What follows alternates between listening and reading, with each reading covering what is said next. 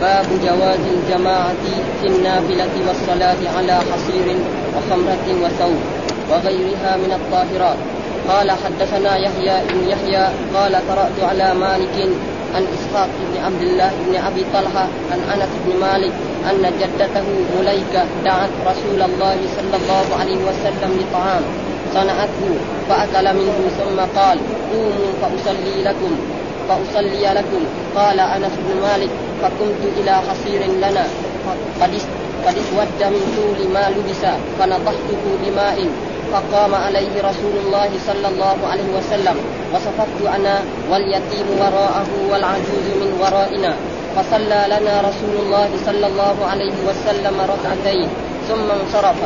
قال وحدثنا شيبان بن فروخ وأبو الربيع كلاهما عن عبد الوارث. قال شيبان قال حدثنا عبد الوارث عن عن أبي الطيار عن أنس بن مالك. قال قال كان رسول الله صلى الله عليه وسلم أحسن الناس خلقا فربما تحضر فربما تحضر الصلاة وهو في بيتنا فيأمر بالبساط التي الذي تحته فيكنس ثم ثم ينضه ثم يؤم رسول الله, رسول الله صلى الله عليه وسلم ونقوم خلفه فيصلي. بنا وكان بساط وكان بساطهم من جريد من جريد النخل. قال حدثني زهير بن حرب. قال حدثنا هاشم بن هاشم بن قاسم. قال حدثنا سليمان عن ثابت عن أنس. قال دخل النبي صلى الله عليه وسلم علينا وما هو إلا أنا وأمي وأم حرام. خالتي فقال قوموا فلتصلي بكم. في أصلي فلأصلي فلأصلي بكم في غير وقت صلاة. فصلى بنا. فقال رجل لثابت أين جعل أنسا منه؟ قال جعله على يمينه. ثم دعانا لنا. ثم دعا لنا أهل أهل البيت بكل خير من خير الدنيا والآخرة. فقالت أمي يا رسول الله وأيدمك ادعو الله له. قال فدعا لي بكل خير وكان في آخر ما دعا لي به أن قال اللهم أكثر ماله وولده وبارك له فيه. قال وحدثنا عبيد الله بن معاذ. قال حدثنا أبي. قال حدثنا شعبة عن عبد الله بن المختار سمع موسى ابن أنس يحدث عن أنس بن مالك أن رسول الله صلى الله عليه وسلم صلى به وبأمه أو خالته قال فأقامني فأقامني عن يمينه وأقام المرأة خلفنا. قال وحدثناه محمد بن المثنى قال حدثنا محمد بن جعفر حاء وحدثني قال وحدثني زهير بن حرب. قال حدثنا عبد الرحمن يعني ابن المهدي ابن مهدي مهدي. قال حدثنا شعبة بهذا الإسناد. قال حدثنا يحيى بن يحيى التميمي. قال أخبرنا خالد بن عبد خالد بن عبد الله حاء وقال وحدثنا أبو بكر بن أبي شيبة. قال حدثنا عباد بن عوام. كلاهما عن الشيباني عن عبد الله بن شداد. قال حدثتني ميمونة زوج النبي صلى الله عليه وسلم قالت كان رسول الله صلى الله عليه وسلم يصلي وأنا حذاءه وربما أصابني ثوبه إذا سجد وكان يصلي على كمرة. قال وحدثنا أبو بكر بن أبي شيبة وأبو كريب قال حدثنا أبو معاوية حاء قال وحدثني سويد بن سعيد. قال حدثنا علي بن مسهر جميعا عن الأعمش. حاء قال وحدثنا إسحاق بن إبراهيم واللفظ له وأخبرنا عيسى بن يونس قال حدثنا الأعمش عن أبي سفيان عن جابر قال حدثنا أبو سعيد الخدري أنه دخل على رسول الله صلى الله عليه وسلم فوجده يصلي على حصير يسجد عليه. باب شاهد. الباب الثاني باب فضل الصلاة المكتوبة في جماعة وفضل انتظار الصلاة وكثرة الخطى إلى المساجد وفضل المشي إليها. قال وحدثنا أبو بكر بن أبي شيبة وأبو كريب جميعا عن أبي معاوية قال أبو كريب قال حدثنا أبو معاوية عن الأعمش عن أبي صالح عن أبي هريرة قال قال رسول الله صلى الله عليه وسلم صلاة الرجل في جماعة تزيد على صلاته في بيته وصلاته في سوقه بدعا وعشرين درجة وذلك أن أحدهم إذا توضأ فأحسن الوضوء. ثم أتى المسجد لا ينهزه إلا الصلاة لا يريد إلا الصلاة فلم فلم يخطو خطوة إلا رفع له بها درجة. وحط عنه بها خطيئة حتى يدخل المسجد. فإذا دخل المسجد كان في الصلاة ما كان في الصلاة هي تحبسه.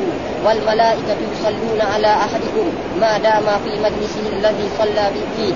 يقولون اللهم ارحمه اللهم اغفر له اللهم تب عليه ما لم يؤذ فيه ما لم يحدث فيه. قال حدثنا سعيد بن عمرو الأشعشي قال أخبرنا أبصر حاء قال وحدثني محمد بن بكار بن ريان قال حدثنا إسماعيل بن زكريا حاء قال وحدثنا ابن المثنى قال حدثنا ابن أبي عدي عن شعبة كلهم عن الأعمش في هذا الإسناد بمثل معناه. قال وحدثنا ابن أبي عمر قال حدثنا سفيان بن عن أيوب السختياني عن ابن سيرين عن أبي هريرة قال قال رسول الله صلى الله عليه وسلم إن الملائكة تصلي على أحدكم ما دام في مجلسه تقول اللهم اغفر له اللهم ارحمه ما لم يحدث وأحدكم في صلاة ما كانت الصلاة تحبس قال وحدثني محمد بن حاتم. قال حدثنا بحث قال حدثنا حماد بن سلمة عن ثابت عن أبي رافع عن أبي هريرة أن رسول الله صلى الله عليه وسلم قال لا يزال العبد في صلاة. ما كان في مصلاه ينتظر ينتظر الصلاة. وتقول الملائكة اللهم اغفر له. اللهم ارحمه حتى ينصرف أو يحدث قلت ما يحدث قال يفسو أو يضرب. يضرب. قال حدثنا يحيى بن يحيى قال قرأت على مالك عن أبي الزناد عن الأعرج عن أبي هريرة أن رسول الله صلى الله عليه وسلم قال لا يزال أحدكم في صلاة ما دامت الصلاة تحبسه لا يمنعه أن لا يمنعه أن ينقلب إلى أهله إلا الصلاة. قال وحدثني حرملة بن يحيى قال أخبرنا ابن وهب قال أخبرني يونس حاء قال وحدثني محمد بن سلمة المرادي قال حدثنا عبد الله بن وهب عن يونس عن ابن شهاب عن, عن ابن هرمز عن أبي هريرة أن رسول الله صلى الله عليه وسلم قال أحدكم ما قعد أحدكم ما قعد ينتظر الصلاة في صلاة ما لم يحدث. تدعو له الملائكة. اللهم اغفر له اللهم ارحمه. قال وحدثنا محمد بن رافع قال حدثنا عبد الرزاق قال حدثنا معمر عن حمام بن منبه عن أبي هريرة عن النبي صلى الله عليه وسلم بنحو هذا.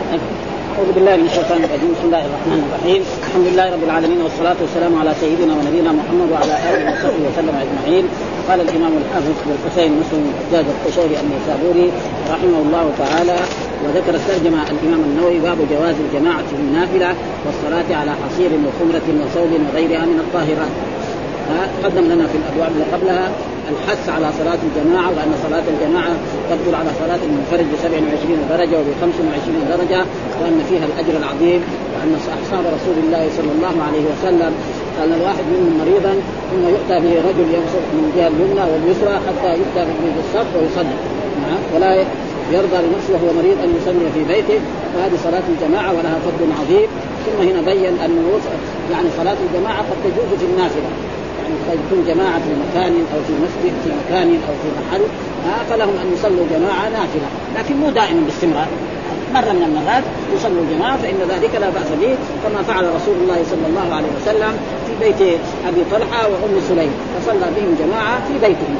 ها وكما تقدم لنا حديث عتبان بن مالك فإن عتبان بن مالك كان رجل يؤم قومه ولما كبر سنه وضعف بصره طلب من رسول الله صلى الله عليه وسلم أن يأتي إلى بيته نعم ويصلي له في مصلى حتى إذا كان هناك يعني أمطار شديدة وسيول فيصلي في ذلك المكان لأنه إيه وقد أنكر بصره يعني ضعف بصره وكبر سنه. ومعلوم الانسان لما يكبر سنه ويضع بصره ما يستطيع أن يذهب إلى مسجد بعيد عن إيه عن مكانه فلذلك ضوء لنا الإمام النووي هذه باب جواز الجماعة في النافلة كما صلى رسول الله صلى الله عليه وسلم في بيت عثمان وكما صلى في بيت أم سلمة أو أم سليم وكذلك أبو طلحة وهي أم أنس. نعم، وهي أم أنس. في النافله في الصلاة على حصير يعني على كل ما ينبت من الأرض. ها يعني مو لازم إلا يصلي على التراب. هذا معنى. ها يريد إيه؟ يبين عنه فإن رسول الله صلى صلى على حصير في بيت أم سليم وهذا الحصير قديم. ها قد اسود يعني من كثر ما إيه؟ يعني لبس يعني. معناه معناه من كثر ما استعمل. ومعلوم الحصير يكون إيه؟ يعني من السعف حق النخيل. وكذلك والخمره والخمره كناية عن سجادة. ها لكن من إيه؟ كذلك من جريد النخل. سعف النخل وغيرها وغيرها زي هذا ها؟ سجاجيد دحين. في من صوف وفي من كتان وفي كذا وكذا. أي شيء ها؟ وإذا صلى على الأرض طبعا ما في شيء ها؟ يعني ولكن هذا وعشان يثبت هذا. هناك بعض من الأئمة وبعض من العلماء يرى أنه الأحسن أن يصلي يعني على التراب. لا ها فإن رسول الله أدخل الناس صلى على هذا فليس من ذلك. وغيرها من الطاهرات. ها غيرها من الطاهرات مثل هذه الفرش الموجودة الآن في مسجد رسول الله صلى الله عليه وسلم وفي المساجد كلها. فلا بأس بذلك لأن الناس ان توفرت أسباب لم تكن في الزمن السابق. فإن مسجد رسول الله في عهد رسول ما كان مفروشا. الناس ما يحصلوا ثوب اللي حصل ازار ما يحصل رداء ها؟ بعض الصحابة بس عنده إيه؟ ما يستر عورته. أما هنا ما في. حتى مات بعض أصحاب رسول الله صلى الله عليه وسلم وأرادوا أن يكفروه ما وجدوا. فصار إيه؟ مقوم بإيه؟ في في غزوة بكر يعني بإيه؟ بالشجر بالإبخر. أما الآن فتوفرت اسباب فلا بأس بذلك. فان الله إذا أنعم على عبده يحب أن يرى أثر نعمته عليه. ها؟ الناس إذا فرشوا مساجدهم وفرشوا بيوتهم باحسن أساس يعني ما هو ممنوع لكن سيسأل بعدين هذا الفراش من فين جابه؟ هذا في سؤال يعني ها؟ أسئلة لماذا؟ من فين أتى بهذا الفراش؟ فإذا أتى به بطريق شريف ها؟ بالكسب ما في شيء. وإذا أتى به بطريق سيحاسب عليه ها؟ سيئن الانسان كل إنسان سيسأل عن يعني عن ماله فيما اكتسب وفيما انفق فيقول في هذا الحديث نعم حدثنا يحيى بن يحيى قال قرأت على مالك. ولا فرق بين قرأت على مالك وحدثنا مالك كله مالك منه ده مالك بن أنس إمام دار الهجرة. ها؟ شيخ ها؟ عن إسحاق بن عبد الله. إسحاق بن عبد الله هذا أخو أنس لامه ها؟ لأنه ابن عبد الله. وعبد الله هذا؟ نعم أخو أنس من امه عن أبي طلحة. ابن أبي طلحة وابي طلحة هذا من هو؟ نعم عم أنس. تزوج أم أنس بعد وفاة إيه؟ آه، آه، آه، أبيه عن أنس بن مالك أن جدته مليكة. إن جدته مليكه دعت رسول الله صلى الله عليه وسلم لطعام صنعته فأكل منه ثم قال قوموا فاصلي لكم. قال أنس فقمت إلى حصير لنا قد اسود من طول ما لوس ها فنضحته بماء فقام عليه رسول الله صلى الله عليه وسلم وصرفت أنا واليتيم وراءه والعجوز خلفنا. من ورائنا فصلى لنا رسول الله صلى الله عليه وسلم ركعتين ثم انصرف.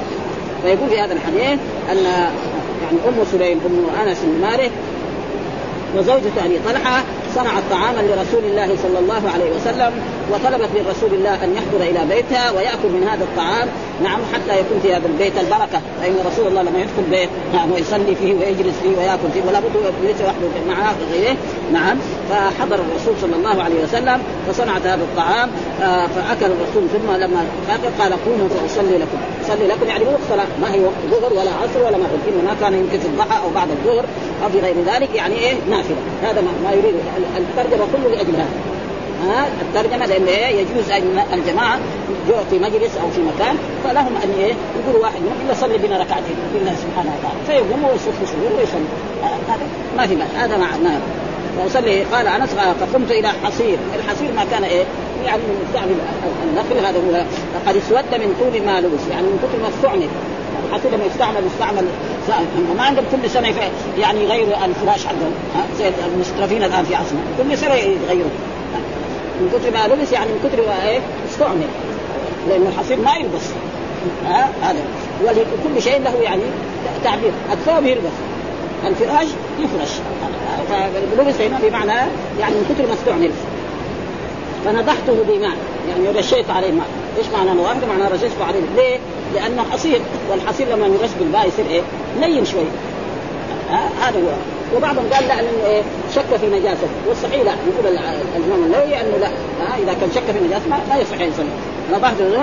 ثم بعد ذلك الرسول. نعم أقام إماما لنا وصففت أنا واليتيم وراءه. يعني الرسول أمام الإمام و... و... وأنس واليتيم لأن أنس كان بالغا في ذاك الوقت. واليتيم وراءه. إيش هو ذا اليتيم؟ قال دمرة يعني ابن سعد يعني اسمه بنير ابن سعد الحميري. بنير بتصغير إيه؟ ابن سعد الحميري. هذا هو اليتيم وكان عندهم في بيتهم والعجوز خلفنا يعني وراءنا يعني أمه. وهذا فيه دليل على أنه إذا كان الإنسان يريد أن يصلي إمام ومأموم نعم وكان المأموم واحد منهم مثلا بالغ والثاني مميز يصف خلف الإمام. وإذا كان إمام نعم ومأموم واحد يقف عن يمينه. هذا هو السنة. والعجوز خلفنا يعني أمه ها وهي أم سليم. يعني معنى ذلك أن أن المرأة لا تصب مع الرجل. مثلا الرجل يصلي مع زوجته في بيته نوافل أو فرائض ما توقف جنبه تصلي ينام معها في الفراش. ينام معها في الفراش لكن ما تصلي تصلي وراه هذا حكم شرعي. ها؟ المرأة مهما كانت أمه أو زوجته أو عمته أو خالته من المحارم فضلا عن النساء الأجانب. ها؟ ورأوا العجوز من ورائنا. في روايات من غير فصلى لنا رسول الله صلى الله عليه وسلم ركعتين ثم انصرف. يعني صلى ركعتين وهذه اللي تبارك فهذا البيت يكون فيه مبارك. وهذا حديث أنس. يعني تقريبا يعني جاء بروايات يجي في رواية أخرى ان أن الرسول صلى الله عليه وسلم كذلك صلى في في بيت أنس. وحصل آه يعني مثل ذلك عدة مرات. وحديث أنس يعني مر بعدة طرق. ها في هذا. وحديث بعد ذلك أنه صلى كذلك ركعتين بعدها فلذلك قال ثم انصرف قال الحديث الثاني قال حدثنا شيبان بن فروخ وأبو الربيع كلاهما عن عبد الوارث قال شيبان حدثنا عبد الوارث عن أبي التياح عن أنس برضه الحديث لكن شيخ الإمام مسلم غير الأولاني. قال كان رسول الله أحسن الناس خلقا. ومع الله يقول إيه؟ خلق عظيم.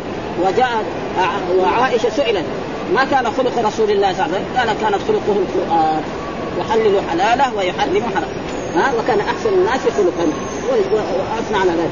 ها؟ خيركم أحسن الناس خلقا. إلى غير ذلك من الأحاديث التي لها نعم. ها؟ قال فربما تحضر الصلاه وهو في بيتنا. يعني مرة يزور إيه؟ وهذا دليل على تواضع رسول الله. الفاضل يزور المفضول يعني الأمير يزور الرعية. ها؟ يعني لا مين اللي زار كان؟ الرسول صلى الله عليه وسلم. ما حد يجي لكن مع ذلك الرسول كان يزور أصحابه. شخص من المريض يزوره. كان يذهب إلى قبى بغرضين، الغرض الأول ليصلي في مسجد قبى لأنه أول مسجد أسس على التقوى. هذا يزور أصحابه ويجلس معهم ويتناقش معهم وإذا حصل بينهم خلاف يصلح بينهم. ها؟ فهذا دليل على إيه؟ على أن خلق رسول الله صلى الله عليه وسلم كان عظيما لأن فربما تحضر وهو في بيتنا فيأمر بالبساط يعني إيه؟ فراش يقول الحصير لا هو من الحرير ولا من غير ذلك فيصير الذي تحته فيكنس أول ها؟ ثم ينضح يعني يرش ها؟ لأنه هذا الحصير يبغى زي الحديث الأول وهو إيه؟ انه من من, من النخل. قال ثم يؤم رسول الله صلى الله عليه وسلم ونقوم خلفه فيصلي بنا وكان بساطه من جريد النخل. كان بساطه بايه؟ ما هو من حرير ولا هو من من صوف ولا هو من كتان ولا هو إنما من جريد المخلوق عبر هذا شيء متواضع.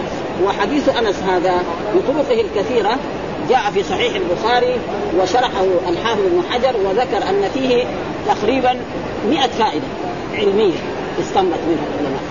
وهو يقول في نفسه وهذا في كتاب الرقاق في كتاب الرقاق في صحيح البخاري ذكر الحافظ 100 فائدة مسألة علمية استنبطها العلماء. ويقول أن المئة هذه أما 60 فائدة تمام. يعني الحديث أخذ. ولكن الأربعين لا بالقوة. وذكر منها جملة. منها مثلا ان الرسول صلى إيه؟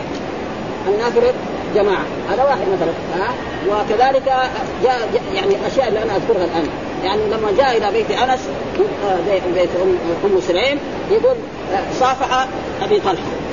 يعني الرجل صافح أم سليم نام على فراشه لأن الرسول ما يصافح النساء حتى في البيعة. ها؟ جاءك الناس يبايعنك لا يشركوا بالله ولا يشركوا ولا يشركوا وكذلك مثلا مازح أبي عمير.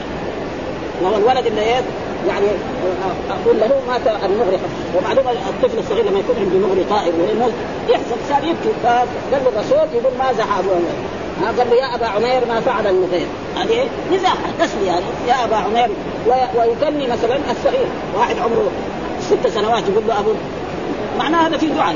بعدين هذا إن شاء الله يكبر لما الرسول قال له أبو عمير يصير أبو عمير ويصير أبو عمار وأبو كمان 20 مثلا ها؟ أبدا. ومعروف أن عبد الله هذا يعني قصته أنه كان مرض وكان أبو طلحة جاء فسال فسأل أم سليم ماذا يعني الولد هذا كذا؟ قالت هو اسكن هو قد مات ها فتجملت له هي وأطعمته وتجملت له فاتصل بها اتصالا جنسيا. جاء معها فلما جاء معها وانتهى لما جاء الفجر قالت أنت أبو طلحة إن كان إن إنسان أعارك عارية. ثم بعدين طلب منك العارية هذه. إيش تسوي؟ تعطي له العارية حقته ولا لا؟ قال يحتسب ولده. ولدك قد مات. فعل عليها يعني دحين خلينا نحن نساوي هذه الأشياء يعني لأنه الجماع ولا هذا يكون في إيه وقت الفرح وقت السرور ما يكون وقت وقت الحزن ها؟ فذلك هذا خلاص. يعني يحتسبوا فذهب وقال للرسول الله كذا كذا فعل. قال لعل الله يبارك لكما في ليله قال فحملت بهذا الولد وولدته ها؟ فيقول التابعي رأيت عشرة من أولاد هذا الولد حفظوا القرآن. فاذا حفظ القرآن معناه صار؟ اين ما قرأت ذاك وكان يعني ذكر واحد واحد حتى غلقها 60 يقول فائده وأي واحد يشوف كتاب الرقاق في حديث أنس موجود هذه 100 وهذا إن دل يدل على إيه؟ على علم الحافظ ابن حجر وأن إيه؟ إمام المحدثين بجداره 100 فعل الحين الآن هنا ذكر بعض الأشياء يعني لكن ما تجي. ونسمع كان من طلبة العلم ومن العلماء ان أن الإمام الشافعي استنبط من حديث يا أبا عمير ما فعل النغير 30 مسألة. إحنا دحين لو فتشنا نحن كطلبة علم أو مشايخ يعني ما يقدر يخرج 10 لكن يمكن أقول اثنين ثلاثة أربعة يمكن لكن 30 هذا ما يقدر.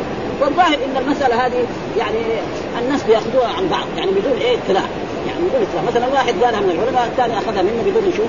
ونحن كذلك كنا سمعناها لكن تبين إن من هذا من إذا قرأت لسان البخاري وقرأ شراحه آه يعني يعرف أن المسألة ما تصير إيه؟ يعني 30 مسألة. يا أبا عمير يعني في نقدر ناخذ منه آه ان أن الكبير لا بأس أن ينازح الصغير آه ويمزح معاه ويصلي في المسؤول له وكلام مثل ذلك فلذلك هذا. قال فيدخل ثم آه يؤم رسول الله صلى الله عليه وسلم ونقوم خلفه فيصلي بنا وكان بساط من إيه؟ من جريد ها؟ يعني؟ من ما هو من فراش ولا هو من صوف ولا هو من كتان ولا هو من شيء. متواضع. هذا. فهذا ما ما يدل عليه. وهنا ذكر هذا قال فيه جواز الصلاة على الحصير وسائر ما تنبته الأرض. وهذا مجمع عليه. وما روي عن عمر بن عبد العزيز من خلاف هذا محمول على استحباب التواضع مباشرة نفس الأرض، يعني عمر بن عبد العزيز يقول لا الواحد يبغى يصلي الصلاة يصلي على التراب. ها؟ عشان إيه؟ يدل على أنه متواضع ومعروف أن الإنسان لما يضع جبهته في الأرض لله سبحانه وتعالى. هذا شيء عظيم جدا. قال وفيها أن الأصل في في الثياب والبسط والحصن ونحوها الطهارة. كل شيء نشوفه طاهر. ما يصير غير موسوسين. ناس موسوسين البيت اللي فيه أطفال كله بيت, النجس. الحين موجود ناس يعني أهل عبادة وطاعه بيت فيه أربع أطفال ابدا لازم سجاد ونحن نرى هنا في المدينة النساء. ما في مرأة تصلي في بيتها أو تزورها يعني مرأة ثانية لازم لهم سجاد. جميع المدينة هذه. ويمكن كمان غير غير المدينة كمان كذا ها؟ أبدا. جميع النساء في المدينة هنا أي مرأة زارت أختها فإذا جاء وقت الصلاة لازم تفرش لها سجاد. مع أن البيت طاهر ما في شيء ها فراشة من أبدا كذا هذا كله من الوسواس هذا ولذلك يعني الاصل في الأشياء الطهر هذا المحل طاهر. حتى نشوف عليه كل شيء في الطاهر ما يحتاج. ولذلك أمر رسول الله صلى الله عليه وسلم في بعض الاحاديث أن يصلي بالنعال. وقال إذا إنسان أتى إلى المسجد ينظر في نعله فإن وجد فيه أثر فليمسح وإذا ما وجد يصلي. والصلاه بالنعال ما هي واجب؟ إما سنة وإما مباح. ما يجي كمان يساوي فلسفة واحد طالب يقول لك إلا يصلي. الرسول صلى بالنعال وامرنا صلوا في نعالكم. إلا نصلي بالنعال. صلوا في نعالكم. ما هو واجب؟ فعل أمر هو صحيح. لكن ما يعني الأمر ليس للوجوب يعني. أمر يعني إيه للندب أو مباح.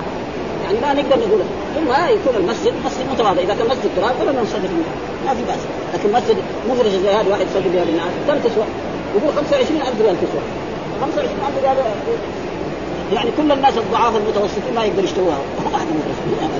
فإذا صلي بالنهار إذا كانت تعيش يعني خمس سنوات تصير تعيش سنه واحدة فلذلك ما لا يشدد طلبة العلم. لأنه نشوف بعض فلسفة طلبة العلم يقول الرسول قال صلوا في رعالكم وخالفوا اليهود كمان. فليس معناه انه ليس كل أمر من الوجوب كما هو معروف. صلوا في نعالكم صلوا في نعالكم. الرسول قال صلوا قبل المغرب صلوا قبل المغرب. ثم قال لمن شاء. وجاء في حديث عن رسول الله صلى الله عليه وسلم لما حج حجة الوداع. ها وطاف بالبيت وسعى بين الصفا والمروة. قال لأصحابه حلوا من الإحرام. ها ثم قال نعم وأصيبوا النساء. اصيب النساء. هذا برضه فعل أمر. يعني إيه؟ معناه أنت إذا اعتمرت وانتهيت من العمرة. ها لك ان تجامع زوجك. أما تجامع ما تبغى كيف؟ واصيب هذا فعل أمر الآن. يعني لازم دغري إذا غلق الإنسان من العمره لازم يجامع زوجه احد قال هذا. وفي ناس من طلبه العلم يقولوا هذا واجب كل أمر وجوب هذول قالوا الثانيين عندي ها؟ لأن في كثير أحاديث. ها؟ إذا حللتم فاصطادوا. إذا قضيت الصلاة فانتشروا في الأرض. وهذا كله إيه؟ عدم الفقه ها ولاجل ذلك هنا. وهذه أحكام يعني يكفي 100 وحديث أنس يعني متنوعا. منها هذا الحديث ومنها أن الرسول صلى في بيته وفي أحاديث أخرى أن الرسول مرة من المرات يعني من حديث أنس أن الرسول في لما كان غزوة الخندق نعم جاء طلحة إلى أم سليم وقالت يا, يا أم سليم إني أرى رسول الله صلى الله عليه وسلم يعني عليه آثار الجوع هو واصحابه فعملت أشياء خبز من الشعير وحطته في منشفه كده في ماعون وقال اذا به إلى رسول الله صلى وقبل لا يوصل إلى رسول الله لما وصلوا إلى رسول الله الرسول قال له آه يعني أرسلك أبي طلحة؟ قال نعم. فإيش؟ قال يعني في طعام. فقالوا لا هي قل فقاموا كلهم معه الرسول ومعه كمان 70 شخص أو 100 شخص. فلما ذهب الرسول جاء وأصحابه. ما شغل يعني عندنا خبزات تكفي خمس أنفار أو ست أنفار أو عشر أنفار. اذا جاء الرسول يعني ما له شغل نقدم لهم هذا الطعام. غدا الرسول وراى الماعون التي نعم وفك في هذا الخبز الشعير ثم أمر بإدخال عشر انفار اكلوا وشربوا ثم خرجوا ثم جوا عشرة ثانيين ثم العشرة الثانيين ثم كل يوم غلبوا ما ومعروف كذلك قصة ابو هريرة لما رسول الله صلى الله عليه وسلم يعني آه، أتي بلبن وأهدي له فأبو هريرة من الجوع لا يعطي له لأن هذا اللبن يكون كيلو ولا كيلوين يعني يشرب فقال له روح نادي أهل الصفر أهل الصفه كلهم معناه إيش يحصلوا؟ ما يحصل شيء أهل الصفه 70 نفر. ها فشرب الأول والثاني والثالث وكلهم إلى آخرهم وبقي إيه هو والرسول صلى الله عليه وسلم. قال الرسول اشرب انت شرب شرب حتى يعني ما له مساق خلاص. يعني بعدين بطل تنتهي يعني. فقال يا رسول الله يعني يمكن يموت يعني. فاعطى البقيع لرسول الله صلى الله عليه وسلم فشرب. وهذه كرامه من كرامات رسول الله صلى الله عليه وسلم وبركة من بركات رسول الله طعام الواحد يعني يكفي الجماعة ولذلك هنا يعني قال من جريد النقل وهذا دليل على أنه لا وكل المهم الذي يريد في هذه الأحاديث أن يثبت أن يجوز للإيه؟ الجماعة أن يصلوا الناس يصلوا جماعة في غير إيه؟ الصلوات المفروضة الظهر والعصر فإذا صلوا مرة من المرات لكن مو دائما. هذا معنى. وأن كل شيء طاهر. فيجوز يصلي على الحصير ويجوز يصلي على الفراش الوثير ويجوز يصلي على الكتان وعلى الصوف وعلى غير ذلك. ثم ذكر حدثنا زهير بن حرب حدثنا هاشم بن القاسم حدثنا سليمان عن ثابت عن أنس قال دخل النبي صلى الله عليه وسلم علينا وما هو إلا أنا وأمي وأم حرام. خالتي يعني إيه؟ أنا وأمي وأم حرام. وهذه ام خال قال فقوموا فلأصلي بكم في غير وقت صلاة. هذا محله في غير وقت صلاة يعني ما هي الصلوات يعني الرسول ما صلى الظهر في بيتها ولا العصر ولا المغرب ولا العشاء والفجر. هذا ما يريد إيه؟ انه نافله هذا معناه يعني عشان يثبت أنه إيه فينا فإذا جاء جماعة في بيت إنسان من المسلمين وقال لهم والله لو تصلون ركعتين ونصلي وندعو مثلا فلا بأس بذلك قال فصلى فقام رجل قال رجل لثابت أين جعل انسا منه؟ هذه مرة ثانية يعني مرة صلى بهم أنس واليتيم وراءه والعجوز خلفه، المرة الثانية صلى يعني مرة ثانية كمان صلى إيه؟ كان بس أنس نعم وما في اليتيم وفي أمه وخالته. فإذا أنس وقف إيه؟ عن يمين الرسول صلى الله عليه وسلم. وامه وخالته وقفوا خلف رسول الله صلى الله عليه وسلم. فهذه مره ثانية يعني هذا معناه يريد إيه؟ يثبت هذا. قال جعله عن يمينه ها ثم دعا لنا أهل البيت ثم الرسول بعد ذلك دعا لأهل البيت بكل خير من خير الدنيا والآخرة يعني دعا له دعوة ثم قالت له أمي يا رسول الله خويدمك أنس ادعو الله له ها تصغير. ها لأن أنس خدم الرسول عشر سنوات. فيقول عن نفسه أن الرسول ما قال له لشيء فعل لما فعله ولا لشيء تركه لما تركه. لأنه أنس عمره عشر سنوات اللي عمره عشر سنوات. قد إيه يخالف مثلا نحن في عصرنا هذا لو واحد أرسل إبنه عمره 10 سنوات قال له روح جيب لي خبز. روح يلعب مع الأطفال ساعة ما ولا يضيع الفلوس ويرجع للتراب يقول الخبز هذا يصير هذا أعطى له ريال يروح يشتري خبز يضيع الريال ولا يشتري به شيء يأكله. وبعدين يرجع لا يقول خبز فأنا يقول الرسول ما قال لي شيء فعله لما فعله معلوم أنا طفل والطفل هو الطفل. إنما طفلهم غير وطفلنا غير بس هذا ها؟ يعني ناس خير من إيه؟ اطفالنا في عصرنا هذا ها؟ فيقول ما قال الرسول بشيء فعله. فقال ادعوه. فدعا له بإيه؟ نعم. يعني الله يكثر ماله وولده ويدخله الجنة. هنا ما ذكر لكن في أحاديث أخرى ويدخله الجنة. فكثر ماله. يعني كان له مال يعني له بستان يثمر في السنة مرتين. الناس يثمروا السنة مرة واحدة هو مرتين وكان اولاده واولاد اولاده وأحفاده في أيام الحجاج بالعراق فوق السبعين. دخول الجنة متى يصير؟ بعد الموت. خلاص دخل الجنة طبعا. إن شاء الله الجنة. دعاء الرسول مستجاب. فدعا له وقال اللهم أكثر ماله. نعم. وولده وبارك له فيه. فكان اولاده واولاد اولاده وأحفاده يعني فوق سبعين. وهذا دليل هو كل هذا يريد إيش الإمام الدلاله أن الصلاة يعني النافلة في جماعة يجوز أن ليس فيها أي شيء. وقد استنبط زي ما قلنا الحافظ ابن حجر يعني تقريبا يعني العلماء اللي قبله هو نقلها في إيه؟ في فتح الباب. 100 فائدة. 100 فائدة من هذه الفوائد أن الرسول يعني صافح آه، أبي طلحة ونام على فراش أم سليم ومازح مع عمير يعني أخو أنس قال يا أبا عمير ما فعل عمير وأكل من طعامه ودعا لهم وصلى النافلة في جماعة إلى غير ذلك وعدها إليهم غلبت بيده ويقول هو بنفسه أن 60 فائدة هذه يعني ظاهره من حديث انس ولكن ال 40 هذا زي ما يقولوا بالقوة يعني بالدبوس أنها ما هي ظاهرة. ويمكن واحد يعني في كتاب الرقاق موجود حديث أنس و إيه. ثم ذكر وحدثنا عبيد الله بن معاذ حدثنا أبي حدثنا شعبة عن عبد الله بن مختار سمع موسى بن أنس. هذا إيه؟ أولاده يعني ها؟ آه يحدث عن أنس بن مالك عن والده أن رسول الله صلى الله عليه وسلم آه صلى به وبأمه أو خالته شك يعني. ولكن جاء في رواية أو خالته وقد يكون أو بمعنى الواو. يعني يمكن يعني أو تارة تكون بمعنى الواو وتارة تكون بمعنى الشك. وهذا ممكن يعني وهذا موجود كثير يعني في اللغة العربية. مثلا يقول الكلمة اسم أو فعل أو حرف. إيش معنى؟ الكلمة اسم وفعل وحرف. أو هنا بمعنى الواو. وهنا كذلك يمكن يكون إيه؟ أو بمعنى الواو. ويمكن يكون إيه؟ يعني شك هو الراوي ودائما الصحابة والعلماء إذا شكوا يجيبوا أو. لبسنا يوما أو بعض يوم. آه آه فأقامني عن يميني. هذه المرة الثانية. غير المرة الأولى اللي كان صلوا إيه؟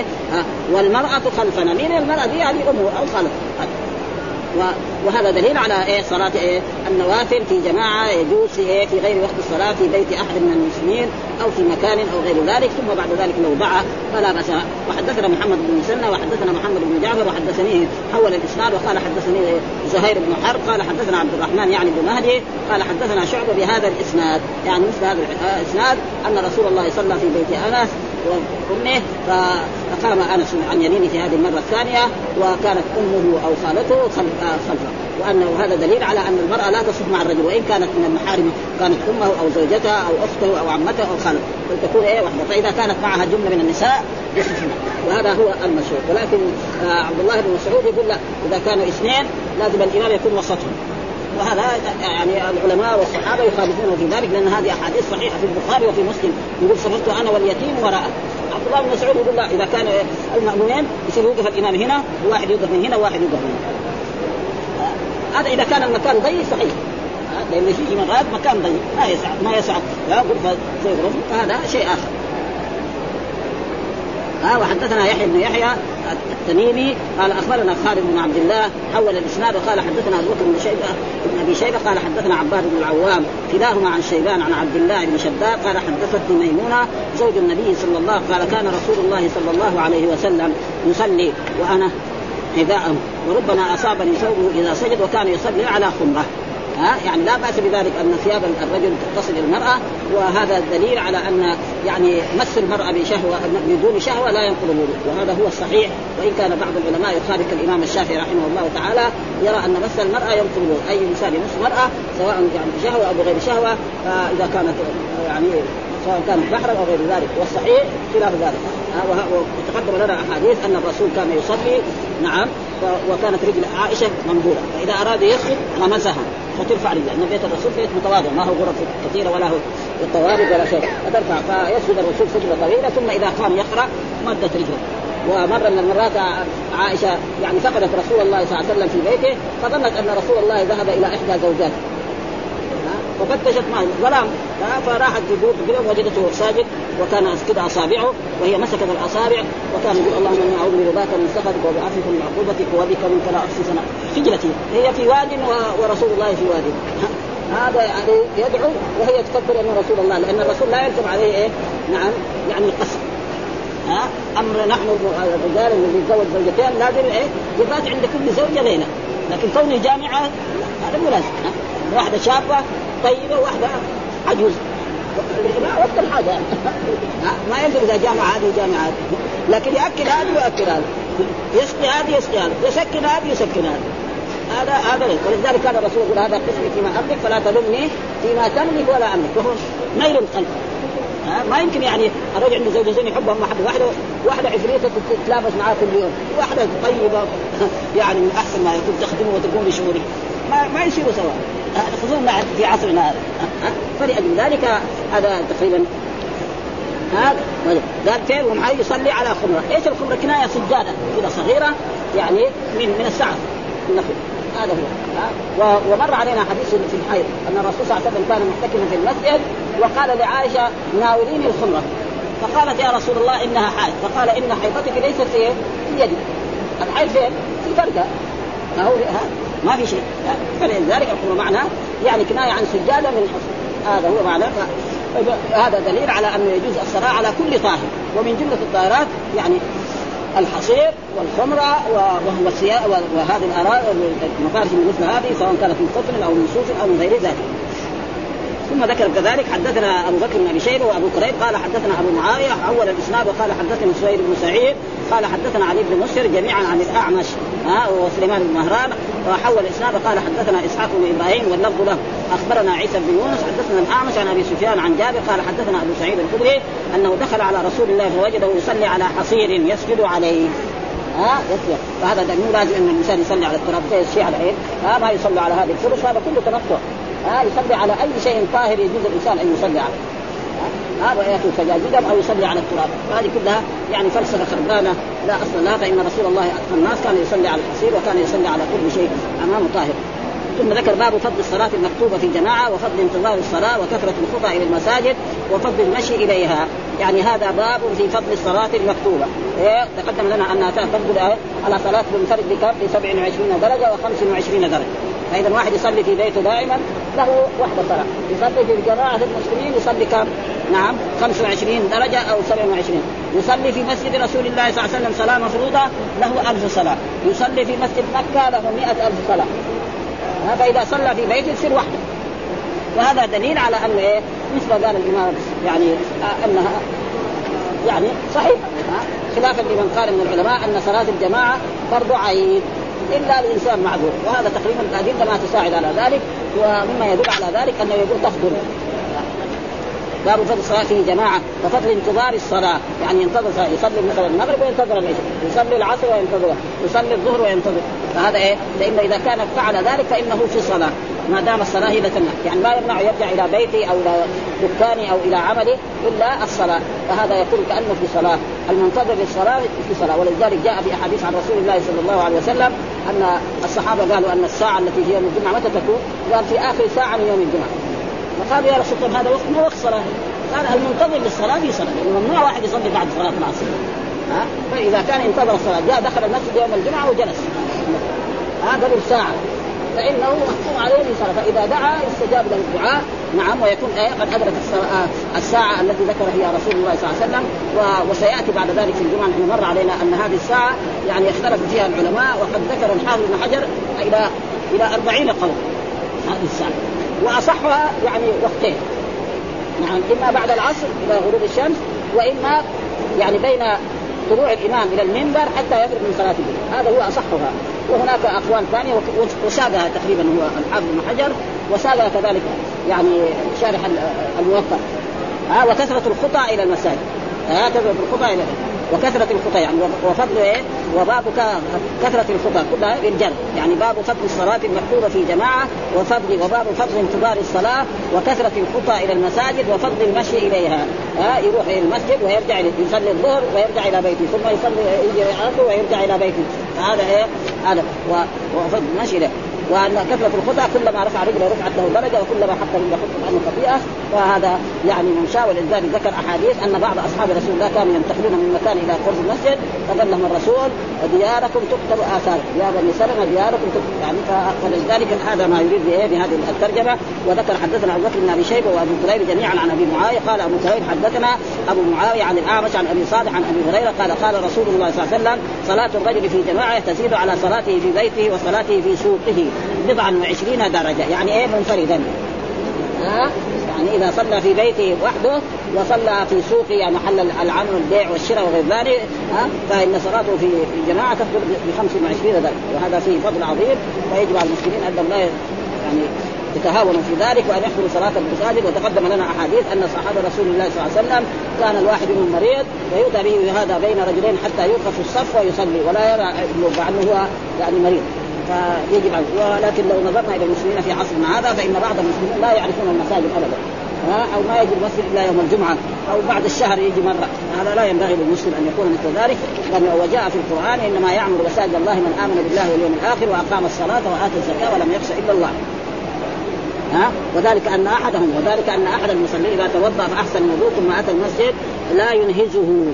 ومعنى لا ينهزه يعني لا ينهضه ويقيمه يعني ما دام مثلا إذا جاء المسجد أو جاء المكان هذا يعطى مبلغ من المال. ها؟ أو يعطى طعام أو غير ذلك. إنما لله سبحانه وتعالى لاجل يحضر هذه الصلاة ويصلي ثم يعود إلى أما إذا جاء لغرض من أغراض الدنيا فإنه يكون هذا. لا لا يريد لا يريد إلا الصلاة فلم يخطو خطوة إلا رفع له بها درجة وحط عنه بها خطيئة. كل ما يرفع رجله يرفع له درجة وكل ما حتى يحط عنه حتى يدخل المسجد. فإذا كان في صلاة ها فإذا كان جاء قبل الأذان بربع ساعة أو بنص ساعة أو بساعة وجلس فإنه محكوم حكمه إيه؟ في صلاه آه له أجر المصلي. وإذا صلى كذلك هو نوافل أو أخذ يقرأ القرآن أو يذكر الله أو يصلي على النبي صلى الله عليه وسلم أو يهلل أو يسبح فإنه في صلاة. ها ما كانت الصلاة وهو كان في صلاة ما كانت الصلاة تحبسه. ها يعني تمنعه من العودة إلى عمله أو إلى إلى إلى بيته والملائكة يصلون على أحدكم. ومعنى يصلون يعني يدعون إلى ملككم ها ها يقول اللهم اغفر له ما دام في مجلسه الذي صلى فيه يقول اللهم ارحمه اللهم اغفر له اللهم تب عليه. ودعاء الملائكة معروف في فضل عظيم ولذلك هذا في حث من إيه؟ من رسول الله صلى الله عليه وسلم امته على حضور صلاة الجماعة وانها تفضل على صلاة المنفرد في البيت وفي سوقه ب 25 درجة وأن الإنسان إذا خرج من بيته بعدما توضأ فإنه كلما رفع رجله له درجة وكلما حتى حطت عنه خطيئة وإذا وصل إلى المسجد وجلس في مصلاه فإن الملائكة نعم تستغفر له وتدعو له بالمغفرة وبالرحمه اللهم ارحمه اللهم اغفر له اللهم تب عليه. ولذلك يعني يجب على المسلمين قال ما, ما لم يؤذي فيه ما لم يؤذي أحدا وما لم يحدث فيه.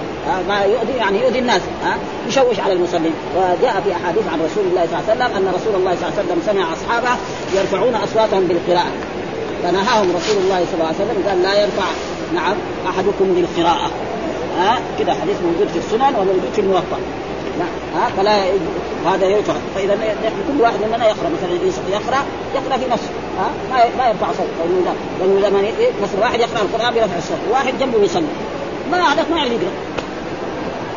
ما يصح. لكن مع الأسف حتى في يعني في الدروس يكون لأن الناس يختلف مثلا شخص يبغى إيه؟ يصلي على رسول الله صلى الله عليه وسلم. رجل يبغى إيه؟ يسبح الله. رجل يبغى يذاكر في موضوع علمي حديث ففي فرق بينهم فلذلك لا, لا يجوز. ها؟ ولذلك الرسول نهى أصحابه أن يرفعوا أصواتهم بالقراءة. قال لا يجر أحدكم على أحد بالقرآن بهذا النص. ها؟ يقرأ على قد ما يسمع نفسه ولا يسمع ويشوش على غيره قال ما لم يؤذي في فمن الاذيه انه يرفع صوته. وما لم يحدث معناه يعني ينتقد وضوءه. إما بريح أو غير ذلك. وفي الغالب الريح الريح هذا هو الحدث. ولذلك مرة من المرات كان كان أبو هريرة يدرس في هذا المسجد. ها؟ فسئل قال هو الحدث. ما الحدث يا أبا هريرة؟ قال فساء أو براد وهذا الواجب يفسر إيه؟ تفسير تمام يعني ما يحتاج إيه؟ ها؟ ما لم يحدث إيش الحدث؟ قال له فساء أو براد معروف الفساء يعرفه كل رجل وكل مرأة وكل إنسان حتى الصغير يعرف ها؟ فالسبب هو بالتفسير واضح عشان ما في إشكال ولا شيء. ها؟ ما لم يحدث فيه ها؟ يعني يخرج منه ريح نعم. أو يضرب فالملائكه بعد ذلك لا وإذا لم يفعل ذلك فإن الملائكة تستغفر له حتى وحدثنا سعيد بن عمرو والأشعثي قال أخبرنا عبثر. ها حول الإسناد قال حدثنا محمد بن بكار ابن الرياض قال حدثنا إسماعيل بن زكريا. حول الإسناد قال حدثنا ابن مسنى قال حدثني ابن أبي علي عن شعبة كلهم عن الأعمش. في هذا الإسناد بمثل معناه. ها أن الرجل إذا يعني جاء إلى المسجد فإن صلاته تقدر على ثلاث ب 25 درجة وأنه إذا خرج من بيته بعد ما توضأ واحسن الوضوء ثم خرج فلا يرفع رجله إلا رفعت له درجة وحط طبعا القضية. فإذا انتظر الصلاة كان إيه في الصلاة والملائكة تستغفر له وتدعو له وتقول اللهم اغفر له اللهم ارحم إلى إلى إلى ما لم يؤذي أو يحدث. الحديث يعني مثل الحديث الأول سواء بسواء. وحدثنا ابن أبي عمرو حدثنا سفيان عن أيوب السختياني عن ابن سيرين. عن أبي هريرة قال قال رسول الله صلى الله عليه وسلم إن الملائكة تصلي على أحدكم ما دام في مجلسه معناه إيه تدعو له؟ ها؟ قال اللهم اغفر له اللهم ارحمه ما لم يحدث. وأحدكم في صلاة ما كانت الصلاة. وأحدكم في صلاة ما كانت الصلاة تحبسه إذا كان الإنسان ينتظر نرجو نحن أن نكون في هذا اللفظ الآن نحن في صلاة. ها لأننا صلينا المغرب وننتظر صلاة العشاء ثم نعود إلى بيوتنا. ونرجو الله أن يكتبنا ممن إيه في صلاة في هذا الوقت لاننا جلسنا في مجلس علمي ونرجو الله أن يأجرنا على ذلك وأن يعطينا الأجر وأن يكون الملائكة ممن يستغفر إن شاء الله جميعا. اللهم اغفر له ارحامه وما لم يحدث أحدكم في صلاة كان في صلاة تحبسه ثم ذكر كذلك حدثنا محمد بن حاتم حدثنا بهز قال حدثنا حماد بن سلمة عن ثابت عن أبي رافع عن أبي هريرة أن رسول الله قال لا يزال العبد في صلاة ما كان في مصلاه ينتظر الصلاة ما كان في مصلاه يعني في صلاة ما كان ينتظر الصلاة وتقول الملائكة اللهم اغفر له اللهم ارحم حتى ينصرف أو يحدث. قال, أحدكم ما قعد ينتظر الصلاة في صلاة أحدكم ما قعد وهنا ما يعني مصدرية مو نافية يعني إيه؟ قال أحدكم آه قال أحدكم قعوده ينتظر الصلاة. وما ما نافية. لا ها؟ يعني هنا ما مصدرية. وهذا موجود ما ما حيا مثلا. ما قعد. يعني قعود قعوده ينتظر الصلاة في صلاة. قال أحدكم قعوده ينتظر الصلاة في صلاة. أي واحد يجلس في المسجد ينتظر الصلاة الثانية فإنه ما لم يحدث يعني ما لم يخرج من ريح. تدعو له الملائكة اللهم اغفر له اللهم ارحم وحدثنا محمد بن رافع حدثنا عبد الرزاق حدثنا معمر عن همام بن مهدي عن أبي هريرة عن النبي بنحو هذا. الحمد لله رب العالمين وصلى الله وسلم على نبينا